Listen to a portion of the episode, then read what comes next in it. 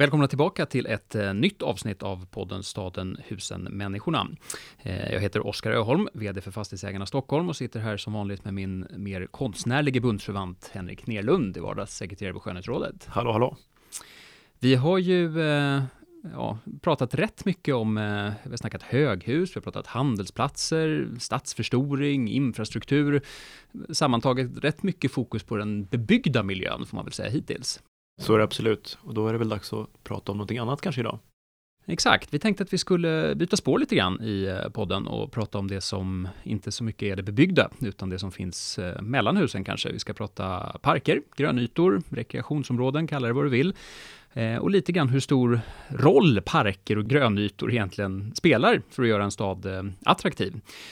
Och jag tror också med en arkitekturhistoriker här bredvid mig att vi kommer kunna gå igenom lite grann hur parkbyggandet i Stockholm har utvecklats från 1600-talets barockträdgårdar via engelska landskapsparker och, och vidare fram till, eh, till idag. Lite sådana exempel, eller vad tror du? Absolut, det tror jag vi kan diskutera.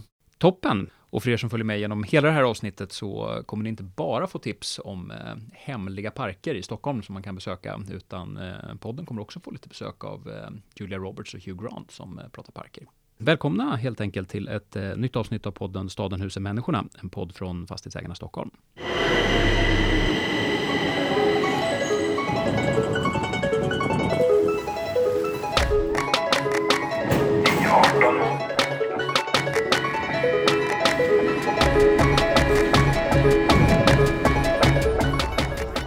En av de här sakerna som eh, brukar stå i turistbroschyrerna om Stockholm som eh, beskriver en, en av sakerna som gör Stockholm unikt, så brukar man ju säga att det är, det är en tredjedel stad, en tredjedel vatten och en, en tredjedel parker eh, ungefär. Är, är det där bara en slogan i turistbroschyrerna eller eh, är, ligger det någon sanning bakom det där? Nej, men lite sanning ligger det nog bakom det. Jag tror man brukar säga att ungefär hälften av stadens yta är tillgänglig grönmark på ett eller annat sätt. Sen kan ju det vara väldigt olika fördelat över stadens område eftersom Stockholms stad är en ganska stor kommun också till ytan. Jag försökte liksom googla för att hitta, hitta just, finns det något svar på det där? Och då är det precis som du säger, då, då var det väl eh, ungefär 40 procent då som stod att det, det, var grönområden och sen hälften av det var parkmark och hälften var naturmark, vilket jag antar är ett annat ord för att det kan vara liksom sly och buskage och saker som man kanske inte är ute i eh, hela tiden. Och sen 20 procent. Ja, det kan, kan ju vara svampskogen också. Det kan det vara för all del. Den var sen 20 procent vatten, men räknar man ihop det där så är ju alltså huvuddelen av stan är alltså inte stad. Det beror lite grann på vad man lägger i stad. Jag tycker att parken är ju en väldigt typisk beståndsdel utav staden, så att eh, nog är det staden då. Mm, ja, det är väl det. Sen kan man fundera på så här, hur grönt är Stockholm? Det finns ju en sammanställning över eh, världens grönaste storstäder. Jag tog fram listan och eh, eh, försökte hitta var Stockholm är.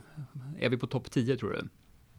Det var en väldigt bra fråga. Eh, Eftersom du frågar så är vi förmodligen inte det, men annars hade jag sagt att ja, det tror jag. Mm. Men det var vi faktiskt. Eh, Stockholm är, jag vet inte hur definitionen av storstäder är gjorda, men jag antar att det är miljonstäder man pratar mm. om.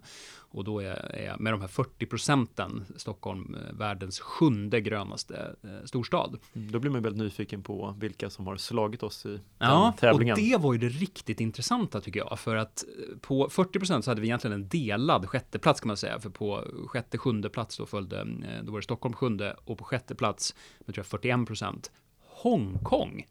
Ja, det är ju förvånande. Det måste man ju säga.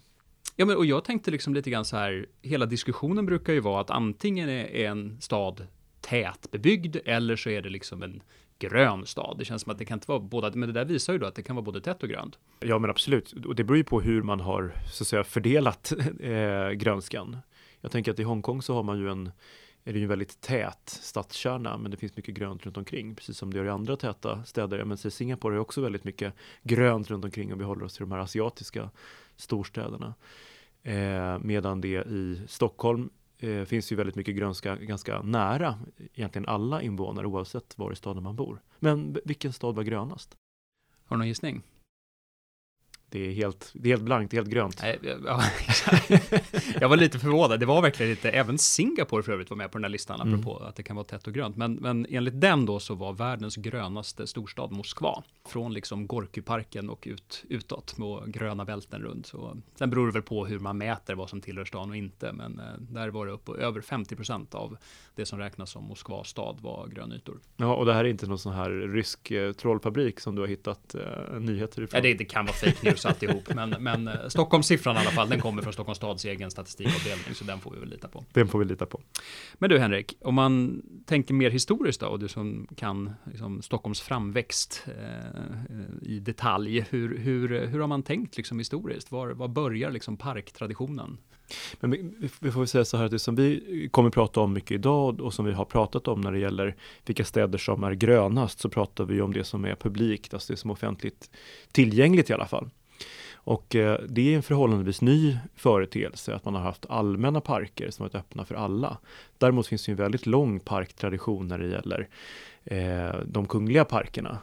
Och, och där, även där är det så att flera av de parker som vi har i stan kommer ju ifrån den kungliga tiden. Om vi tänker oss den stora jaktparken Djurgården som mm. ju heter det för att det var en djurgård, alltså en inhägnad stor jaktpark där det fanns massa djur som kungen tyckte det var roligt att jaga för länge sedan. Eh, är ju numera ett, en mycket omtyckt park, men, men även Humlegården och Kungsträdgården som också Kungsträdgården är, är kungens park? Eller? Ja, ja. kungens kolträdgård från början och Humlegården har man ju också varit hemma från början. Just det. Var det den som kallades Gustav Vasas köksträdgård? Eh, det kan jag faktiskt inte svara på, men det är säkert, det kan säkert vara så. Jag har för mig sett någon sån skylt i Kungsträdgården när jag varit där. Ja, jo men, jo, men alldeles säkert eftersom det var just, alltså, det var ju, Kungsträdgården användes som köksträdgård för hovet och för kungafamiljen just när det gällde att få fram mycket kol då som man åt på den tiden. Det här var ju innan potatisen kom mm. eh, eh, från Sydamerika. Så att på den tiden var det mycket andra sådana lite äldre grödor som man odlade i det som sen blev parker. Kungsträdgården blev ju inte en offentlig park först på 1800-talet. Och den första offentligt finansierade och allmänt tillgängliga parken, vet du vilken park det var? Den första offentligt finansierade parken? Det var en bra fråga. Och det var inte Humlegården då? Alltså. Nej, det var inte Humlegården. Den var statlig väldigt, väldigt länge. Den, den första liksom, kommunalt iordningställda parken för att vara park helt enkelt. Nej, ingen aning. Det är eh, Strömparterren, alltså den här lilla gröna parken som ligger nedanför Norrbro. Om man tänker sig väldigt... Framför riksdagen? Ja, exakt.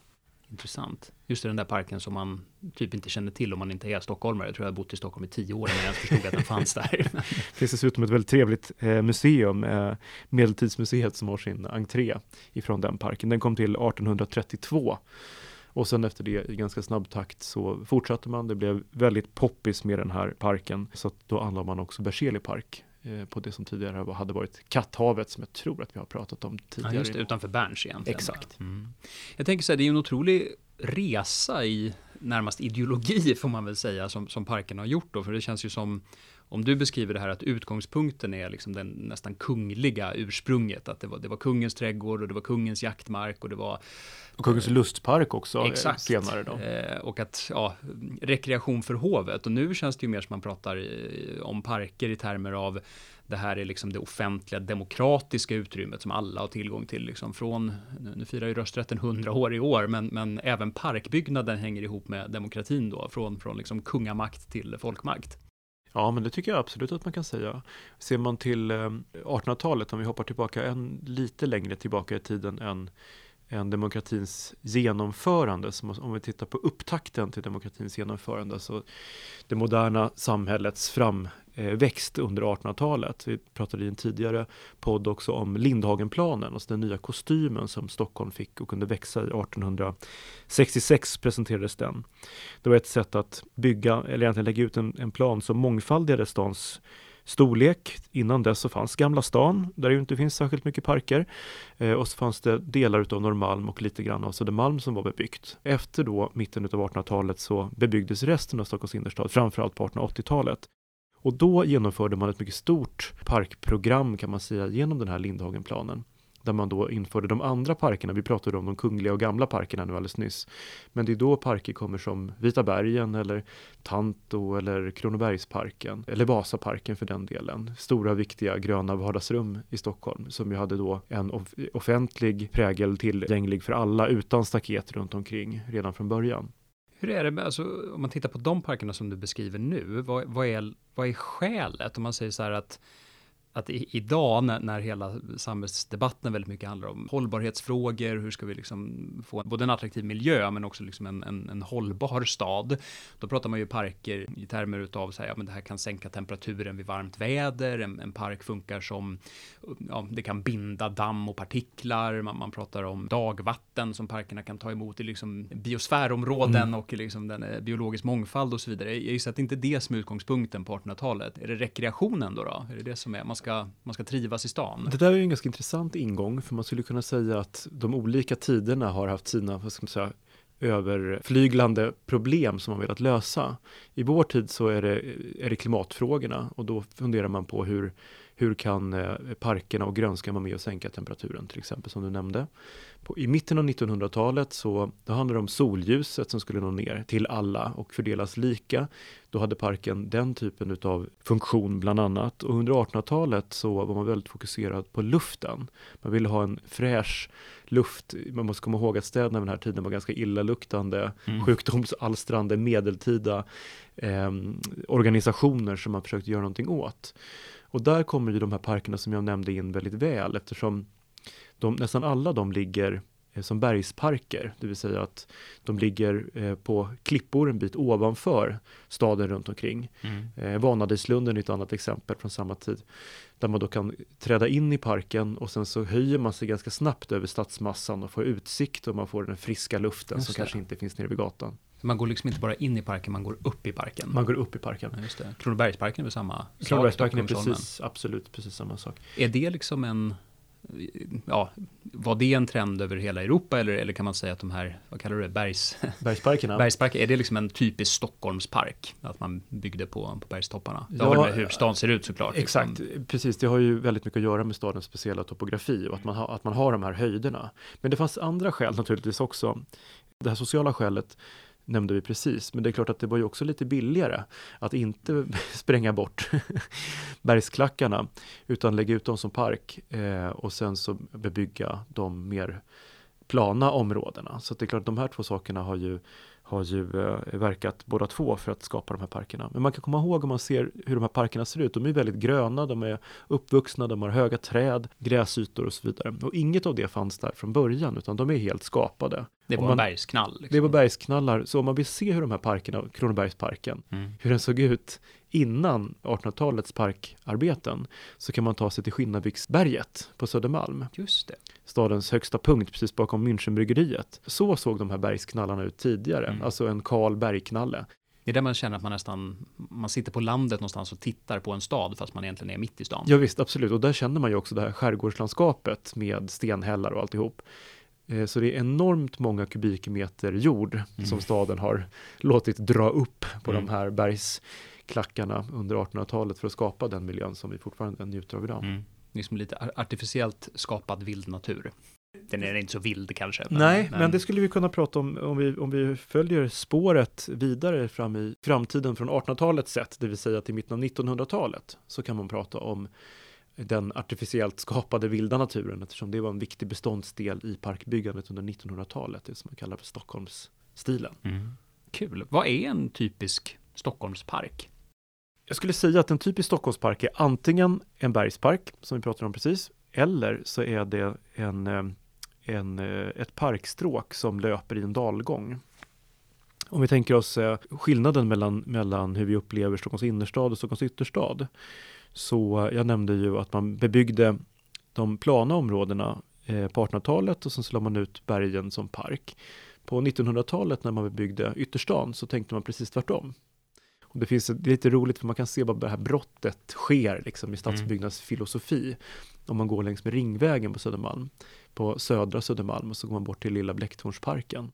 Var är vi då någonstans? Då befinner vi oss, eh, om vi tänker oss att vi är mellan Skanstull och Vita bergen. Ja, just det. Mm, ja, då är jag med. Precis där Katarina Bangata går ner mot Vintertullen där man sen kan ta färjan över till Mm. Hammarby sjöstad. Mm.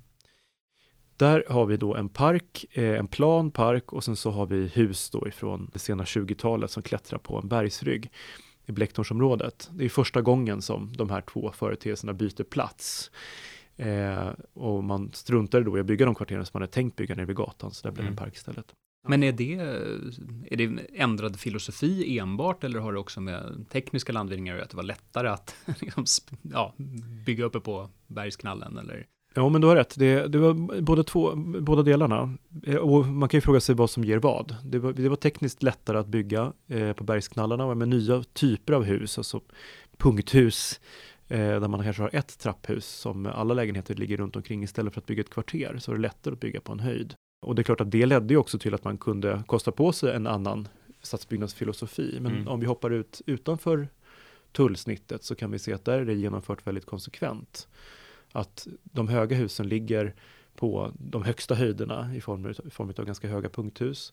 Och sen så är dalgångarna, de är ofta helt fria från bebyggelse, där man då har långa parkstråk istället. Och där det också går en och annan trafikled ska ju sägas. Mm. Vid den här tiden så pratar man ju med amerikanska förebilder om parkways och sådär, att man skulle Just liksom det. lägga vägar i parkerna så man Mm. skulle kunna åka ut på bilpromenad och sådär. Mm. Idag kanske vi inte riktigt upplever det på samma sätt när Fast jag lite har man väl den upplevelsen i och för sig på Vätterleden på E4. Då, då känns det ju som att man är ute på eh, liksom, naturpromenad med bilen ute efter, eh, ja. Ja, nu hoppar vi ur stadens sammanhang, men Ja, absolut. ja. Och, det är klart, så det var ju faktiskt tanken. Det var Mm. hembygdsrörelsen liksom, rörelsen på den tiden som ville skapa en vackrare hembygd när man byggde nya motorvägar. Mm. Det är ju intressant om man ser det i dagens perspektiv. Ja, vi får hålla oss till ämnet, men jag, jag tänker på också så här speciella Stockholmsmiljö. Jag läste eh, Per Westbergs bok om så här kvarteren runt eh, Johanneskyrkan.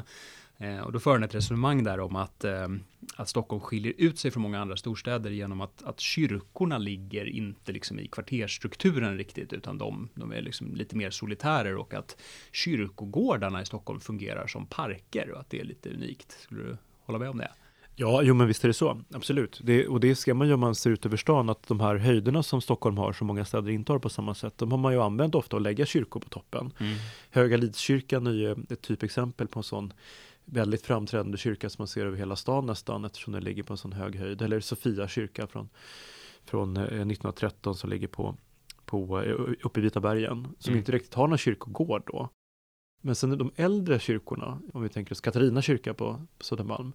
Där är ju, eller Johannes som du nämnde, där används ju stora delar av kyrkogården som park och man kan se folk äta grillad kyckling eller ligga och Mm. sola och barnen leka. Och det är klart att det där är ju lite speciellt och kanske, ja, jag tror inte alla känner sig lika bekväma med att använda kyrkogården på det sättet. Men, men det är klart att det Det går ju inte att låta bli att tänka på då att då kan, det kanske inte är en slump då att ett av liksom Unescos världsarv i Stockholm är en kyrkogård, men egentligen för att det är en vacker park. Alltså jag tänker på Skogskyrkogården. ja, jo men absolut, det är ju riktigt. Där tror jag kanske i och för sig inte att man solar och äter grillad, ja det kanske man gör, det vet jag Nej, inte. nej, men det är väl, så att den fungerar väl mycket som ändå också närmast rekreation. Man går inte bara dit för att besöka en grav, utan det är en, liksom en, en plats att besöka i sig själv på något sätt. Jo men absolut, ja det är ju definitivt en plats att besöka i sig själv. Och det är klart att när man är där så möter man ju många som joggar och så Mm. använder den här miljön på ett sätt som man använder större parkområden.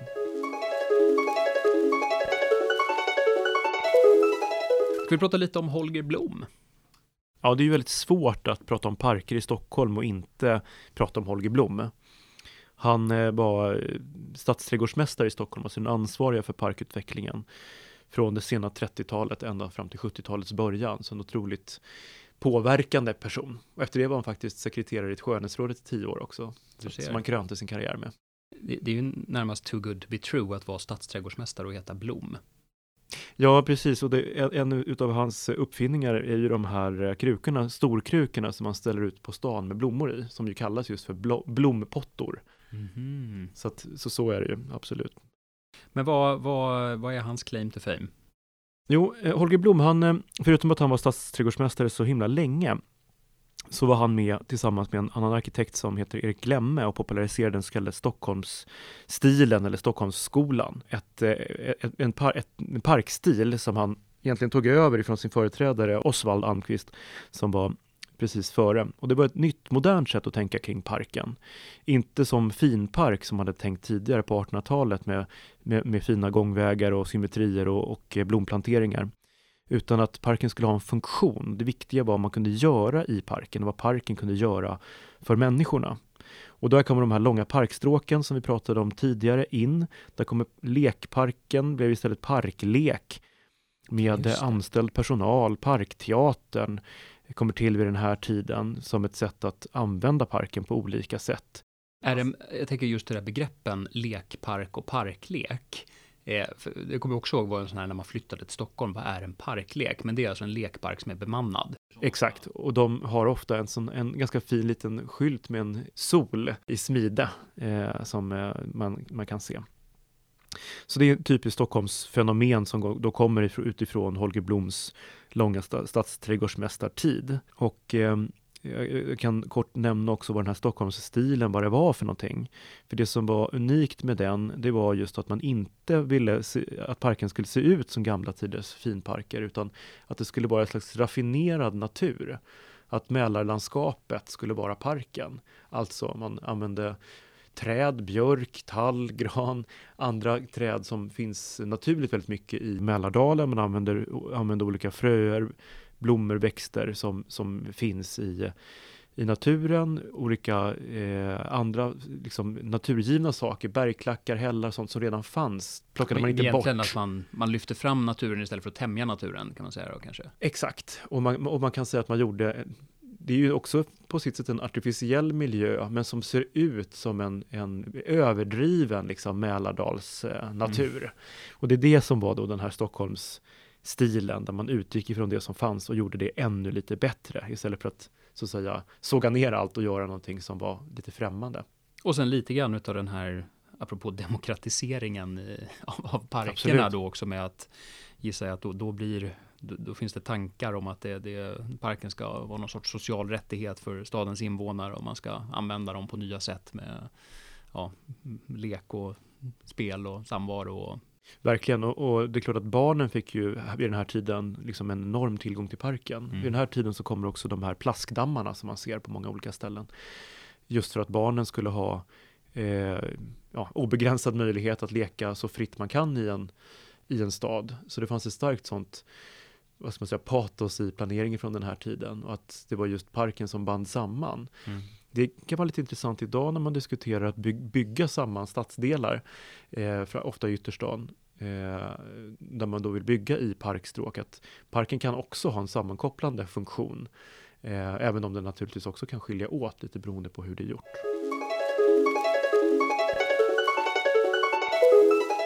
På 40-talet så tar eh, Holger Blom fram ett stort parkprogram för Stockholm. Och eh, där parken, där han säger att parken luckrar staden. Alltså parken ser till att göra staden lite mindre tät och, så, och den ska tränga in överallt i alla delar utav staden. Eh, och han exemplifierar det här med en tecknad kastanjekvist där det finns en tjock, tjockare kvist i, i botten och som, som sen grenar sig ut. Och ungefär så tänker han sig att parken ska säga, sammanbinda stadens olika delar från den lilla parken ända till, till det stora naturområdet. Och eh, idag pratar man ju ofta om stadens gröna kilar. Det här är ju ett sätt, ett tidigt sätt att liksom illustrera det från mm. 40-talet.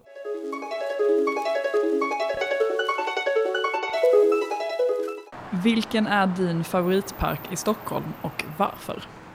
Min favoritpark i Stockholm är Hagaparken för att den ligger väldigt nära och har en blandad fin miljö med skog och öppna marker. Jag gillar ju Vasaparken enormt mycket. Jag gillar den här variationen av öppna ytorna och, och ja, lite bergiga terrängen där i Västerupplöv. Mycket trevligt. Alltså jag är egentligen inte i parker så jättemycket i innerstan. Men om jag skulle säga en så är det nog Hagaparken i sådana fall. För att jag tycker att den är stor, jag tycker att man kommer bort från liksom bruset i stan och att den har en bra blandning av typ kaféer och promenadstråk men att det fortfarande är mycket natur. Har du nära till en park? Jag bor precis bredvid ett naturområde, eller vad säger man, naturskyddsområde.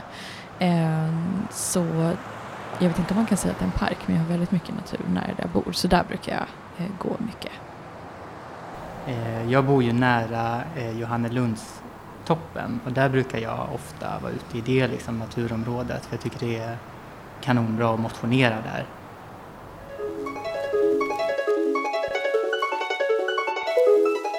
Ja, vad säger du om de här eh, rösterna vi precis hörde? Är det liksom typiska Ja, men- känslor för parkerna? Jo, men jag, det säger väl att stockholmarna tycker om sina parker och att just att Stockholm är en väldigt grön stad är någonting som gör staden väldigt attraktiv. Jag tror att när man har tittat på vad, vad människor uppskattar eh, nära sin bostad, så vid sidan av att bo nära en spårstation eller en tunnelbanestation som jag tror är nummer ett, så ligger eh, parkerna väldigt högt upp på den listan. Det är ju lite spännande också hur om man tänker liksom hälsa i ett eh, lite bredare perspektiv så är det klart att eh, ja, det finns både pulshöjande och pulssänkande aspekter utav eh, liksom att välbefinnande om man säger så.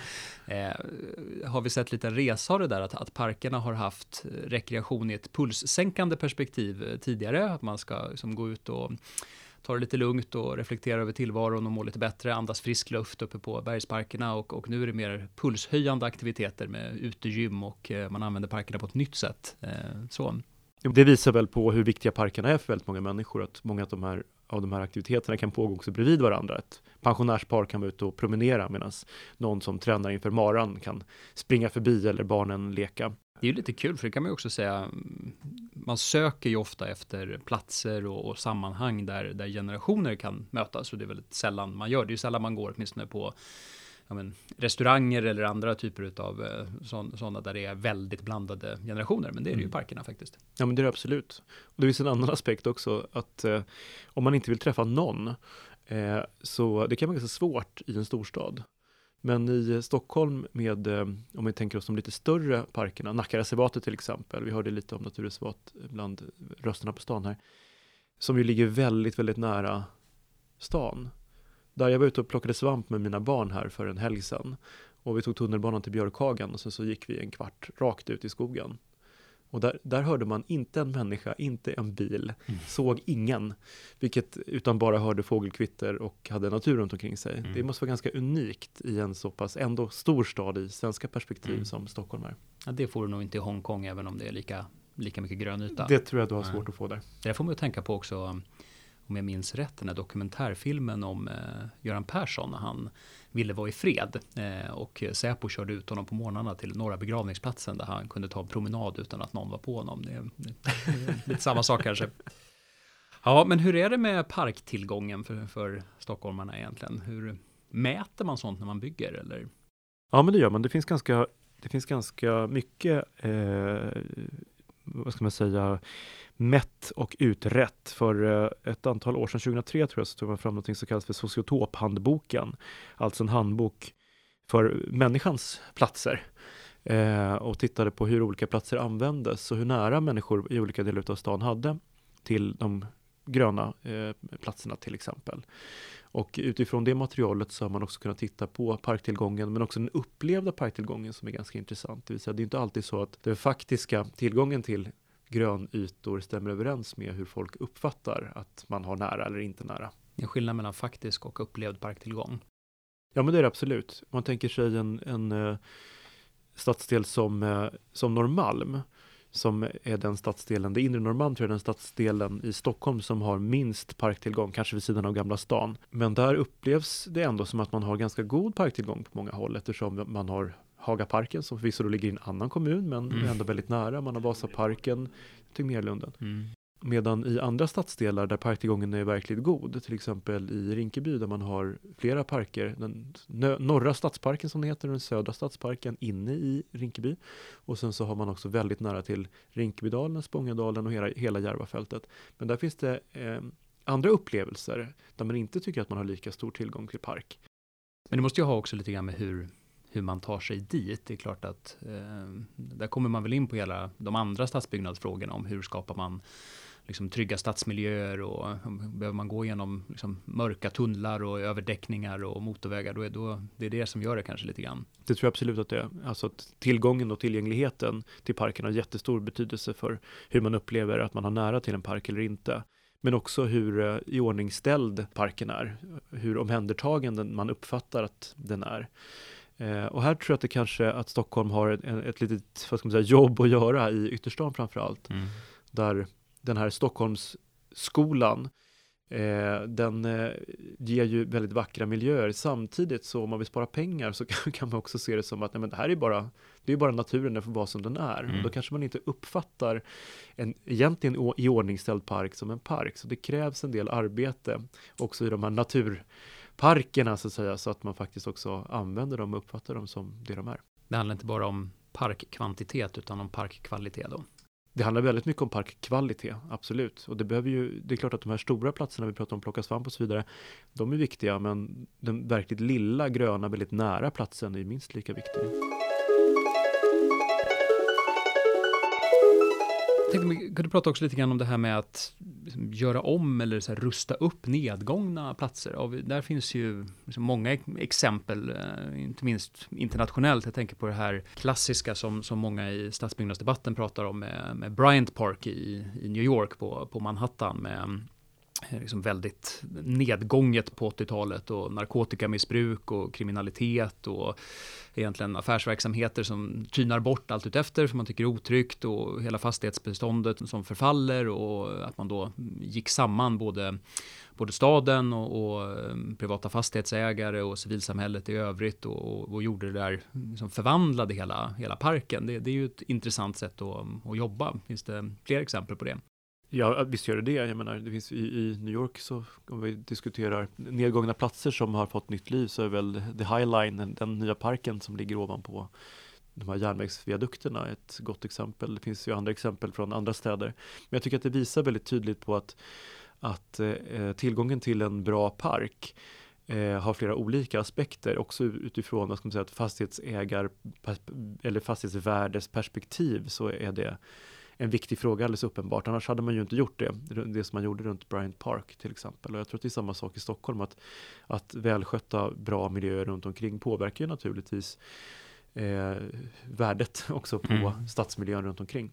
Det var intressant när man tittar lite grann på vad man faktiskt gjorde i det här Bryant Park, för det används ju ofta som exempel på, ja men här, här gick man samman kring, kring någon sorts platsanverkan eller det man då i USA kallade för BIDS, alltså Business Improvement Districts med vad var det man egentligen gjorde? Jag tycker det är ganska spännande för mycket handlar, ja dels antar jag sig till att det är man tar hand om den faktiska parken. Man klipper gräsmattorna och man eh, ser till att det är vackert och det, finns blommor och växter och, och ett djurliv där inne. Eh, men rätt mycket verkar det ha handlat om hur ska man se på möblering? Mm. Vad, ska, vad ska det vara för stolar? Vad ska det vara för bänkar? Jag eh, tycker det var superintressant att, att man dolde alla låsen på olika små bodar där man ställde in stolar för att stora hänglås signalerade liksom otrygghet. Mm. Men, men dolde man låsen så blev det en tryggare plats. Det är rätt små grejer man kan jobba med. Verkligen, Jätte, det är jätteintressant för det är klart att det handlar väldigt mycket om hur man, hur man uppfattar miljön också hur man använder den och, och hur välkommen man känner sig i den.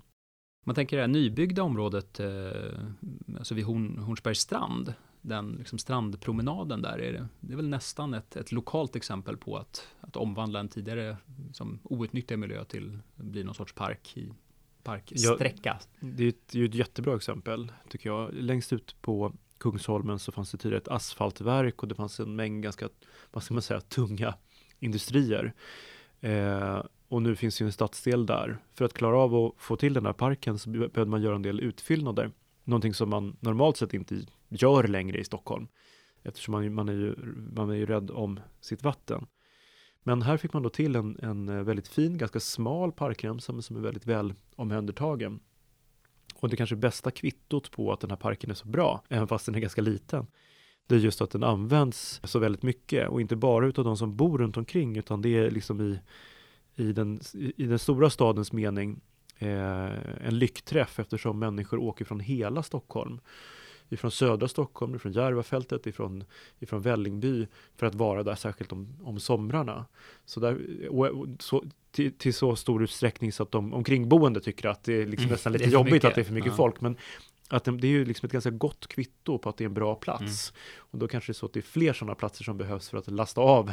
Eh, så att inte allt, alla människor är på samma ställe. Men det är en väldigt bra, eh, väldigt bra parkexempel. Det där är ju väldigt kul, för det, det, det, är precis som du säger, när man bygger nya stadsdelar, hur, hur skapar man skäl att åka dit om man inte jobbar där och inte bor där? Eh, och i den meningen så, så är det där ett kul exempel om man tar liksom hela Hammarby sjöstad som är det klassiska exemplet på liksom den, nu ska vi bygga en ny stadsdel. Där, där, eh, ja, det kanske börjar gå åt det hållet också, men Hornsbergsstrand är ett ännu tydligare exempel på eh, Ja, absolut. vad man gör. Ja, men visst är det så. Och jag, jag menar, jag skulle nog säga att eh, trots att vi har byggt eh, väldigt mycket under de, säg, de senaste 80 åren i Stockholm, också väldigt många bra miljöer, så är det ändå väldigt få av de miljöer som byggts under de senaste 80 åren som lockar till sig människor från hela Stockholm.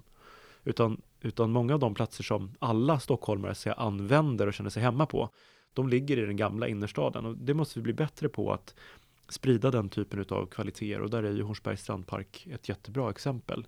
Jag tänker lite grann på det här med eh, just Brian Park, exemp- eller Brian Park exemplet som just här platssamverkan som man kallar det. Det där, det där är ju på tapeten i allra högsta grad också i, i Stockholm och, och man pratar ju om att man ska försöka göra det på fler ställen och, och gå samman både liksom staden och på kanske ja, myndigheter och, och fastighetsägare och annat och liksom jobba med platser för att både göra dem mer, mer trygga, mer attraktiva Om jag minns rätt så har ju Stockholms stad har ju pekat ut några sådana ställen som, som man vill titta på. Sergels torg är ju ett exempel, Medborgarplatsen ett annat. Jag tror att Hässelby gård också Mm. var, var utpekat.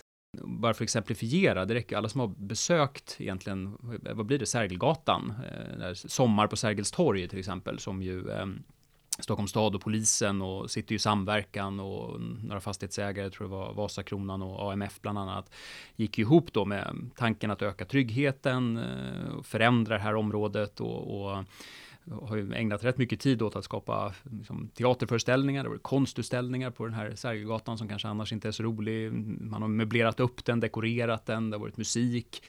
Skulle man kunna liksom jobba mer med platssamverkan med liksom det gröna i fokus tror du? Det där har ju varit väldigt mycket, det här är ju en betongyta Mm. som ska göras rolig, men, men eh, det kanske finns Brian Park-exempel man skulle jobba med också. Ja, men det tror jag absolut att det, att det gör. Och jag tror att det, jag tror att det finns goda möjligheter att utveckla också ytterstadsplatser och ytterstadsparker på det sättet. Det är kanske är där som, det, som behovet är allra störst. Sen är det ju naturligt att man kanske börjar centralt. Eh, men jag tror det finns goda möjligheter att jobba vidare med den modellen. Och det finns ju andra exempel om vi tänker oss de här sommargågatorna och Levande Mm. Stockholm som Stockholms stad också har arbetat med. Som ju varit eh, en slags pop-up park eh, i, i hårda miljöer längs ett antal gator i centrala stan. Att det är också någonting som, som jag tror kommer sprida sig till andra delar utav staden där det kanske blir lite blandat med både hårt och grönt men där det händer lite mer saker under de intensiva sommarmånaderna när folk verkligen vill vara ute också.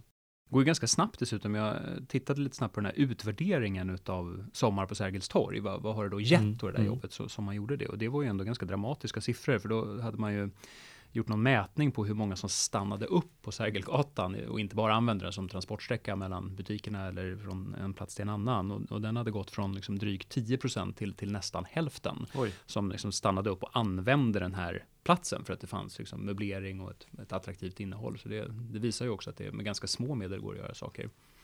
Men skulle man kunna kalla sommargågatorna för våra, våra nya pop-up-parker? Är det det? Jag, tycker, jag vet inte om de kan ju inte på något sätt ersätta den gröna parkmiljön, men det är klart att det är ett kul komplement att använda staden på ett annat sätt. Eh, och jag noterade nu när, precis när sommargågatorna bör- börjar liksom plockas undan och det återgår till det normala så, så inser man oj vilken, vilken stor asfaltsyta det är.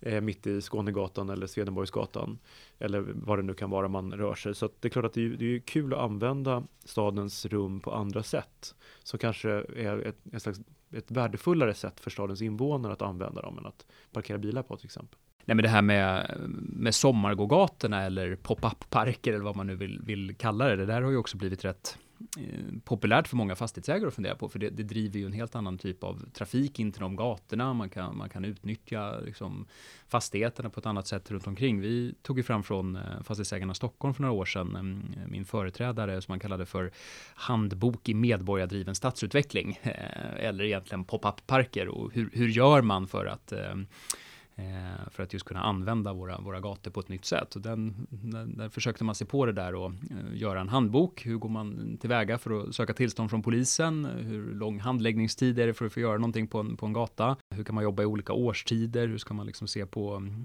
tillstånd att använda våra huvudgator egentligen? Eh, så att eh, det där kanske eh, pop-up parker och sommargågator lär det bli fler. Jag har hört att några av dem verkar bli permanentade nu också.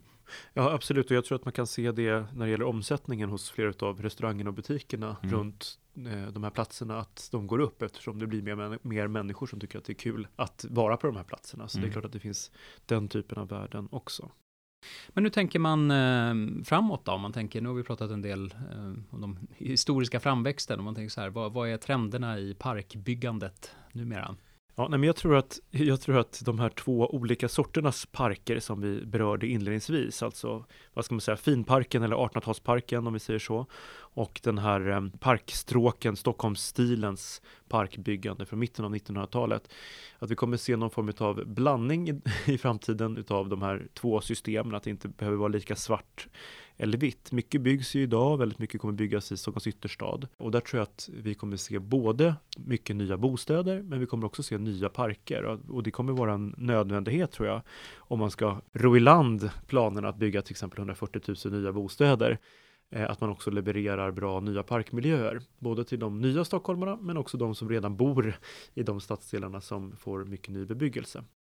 Kan man tänka sig nästan att det där också är ett sätt att vad ska vi säga, skapa acceptans hos stockholmarna att, att, eh, att det här är en stad som växer så mycket. Alltså det finns ju den här diskussionen om not in my backyard och att ja visst det är kul att Stockholm växer men måste alla bo precis där jag bor. Att om allt fokus handlar om det här, nu ska det byggas 140 000 bostäder, då, då, blir, då blir det lite som vi pratade om något annat eh, avsnitt, att då är inte staden tät utan då blir den bara trång. Ja. Men om man ska lägga lika mycket fokus på vad betyder 140 000 bostäder i termer av parker? Eh, det kanske är, vi ska bygga 40 nya parker de kommande åren, det kanske skulle vara ett sätt att skapa acceptans också.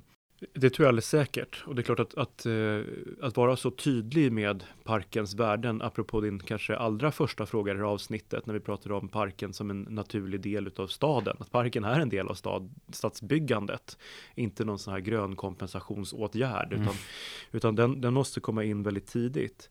Eh, och det finns också bra riktlinjer som Stockholm har jobbat med, om man säger, tänker sig sen den här funktionalistiska tiden där man mätte och och eh, räknade på nästan allting så tog man fram, som har tagit fram olika riktlinjer och idag översatt till hur man tänker idag så säger man att, att ungefär 200 meter från sin port så ska man ha en hektar park. Och om, inom 500 meter 5 hektar och inom en till två kilometer 50 hektar. Om man ska översätta det här så är det första ungefär som säg, Nytorget och det andra som Vasaparken och det tredje som som Djurgården. Mm. Då kan man tänka sig så här, oj, går det? Men tittar man hur vi har det i Stockholm eh, som en så grön stad som vi bor i så är det faktiskt nästan så redan idag överallt i stan och det här är någonting som är intressant att jobba vidare med. Och jag tror att de här parkerna, de mindre eh, närparkerna och stadsparkerna, de kommer vi förhoppningsvis få se fler av. Och sen finns det ju exempel på större nya parker till exempel eh, nya Årstafältet där det då byggs väldigt mycket, det kommer byggas kanske 8000 bostäder runt den nya parken som då också blir en väldigt stor iordningställd park istället för att vara ett gräsgärde som det är idag. Och det är en intressant kombination för då kan man få både mycket bostäder och bra stadsmiljö och dessutom en väldigt välanvändbar parkmiljö. Men sen kan man väl fundera lite grann om man, om man lägger ett, ett ny, förnyat fokus på att, att parken är en viktig del i stadsbyggandet så, så gäller det ju att, att se till att de fungerar. Vi tog ju eh, det här exemplet om att med Bryant Park, man får gå in och allting har havererat. Mm. Men hur man gör det från början, alltså det, det är ändå ganska splittrat om man tänker sig så här, de parker vi har idag så har vi i Stockholms stad då, så här, trafiknämnden som är ansvarig för belysningen utav parken. Vi har exploateringsnämnden som liksom hanterar alla stadens ja, obebyggda mark. Vi har stadsbyggnadsnämnden som ska planlägga i översiktsplanen. Vi har liksom, miljönämnden för miljöövervakning och tillsyn av natur och kulturreservat. Vi har idrottsnämnden som hanterar alla fastigheter och parker utanför eh, staden och dessutom fastighetsnämnden som, som äger naturreservat. Alltså det är rätt många kockar i, i den här soppan. Absolut, och framförallt stadsdelsnämnderna som äger de flesta parkerna runt om. Mm.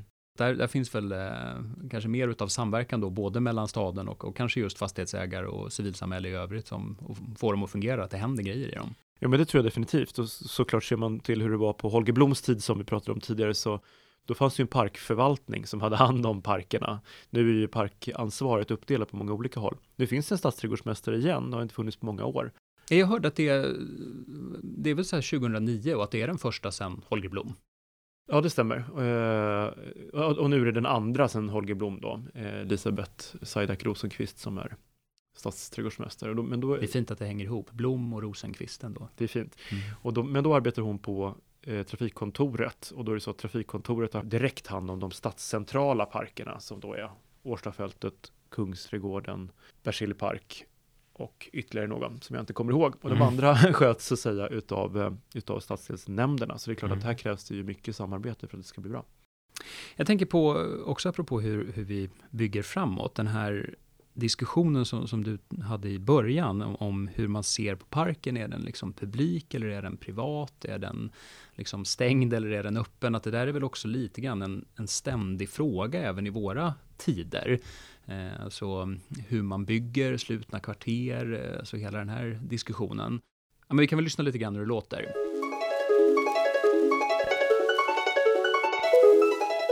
There is communal gardens in the middle of them. They're like little villages. Let's go in. Uh, no, that's the point. They're private villages. Only the people who live around the edges are allowed in. Uh, you abide by rules like that? I don't know, no, but uh, others do. And I just uh, do what I want. Um,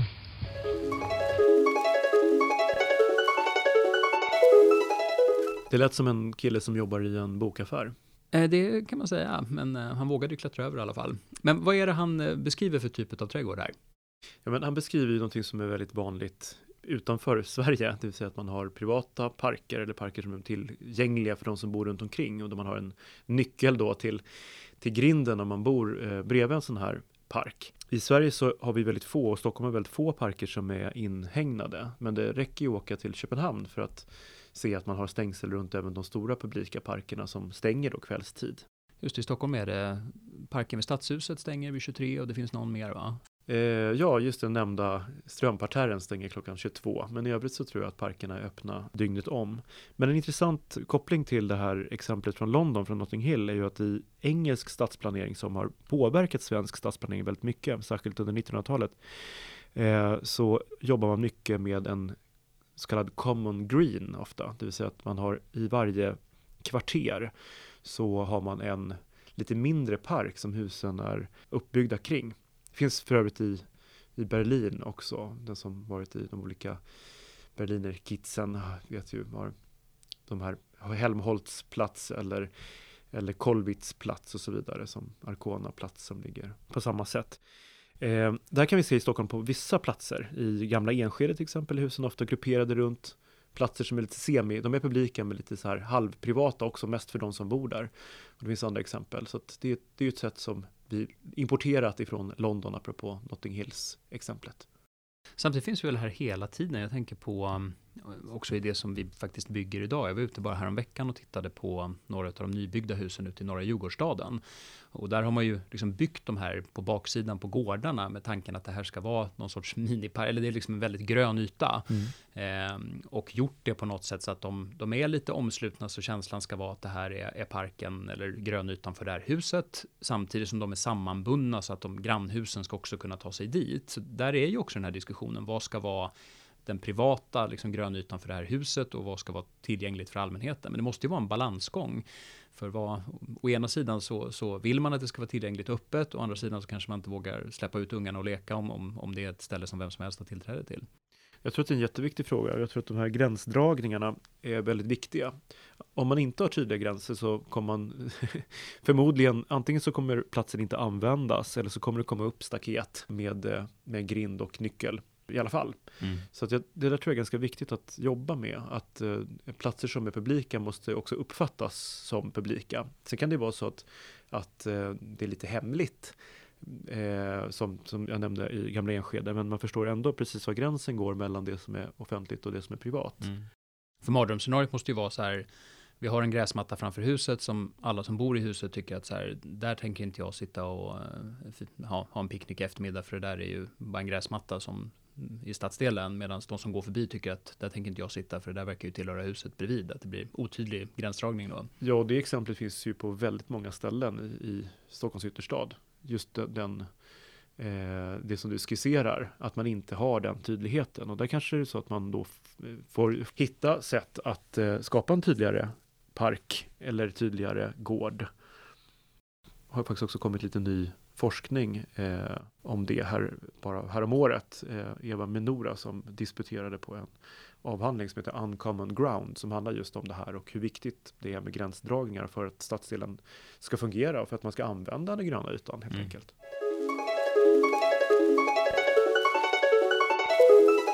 Vad tror vi framåt då? Vad är det för grönytor som, som vi inte har sett förut? Man, man pratar ju en del om att man borde utnyttja taken till exempel. Tror du det kommer vara grönare på Stockholms tak framöver? Man ser ju väldigt mycket eh, vad ska man säga, gröna tak inritade i framtidsprojekt.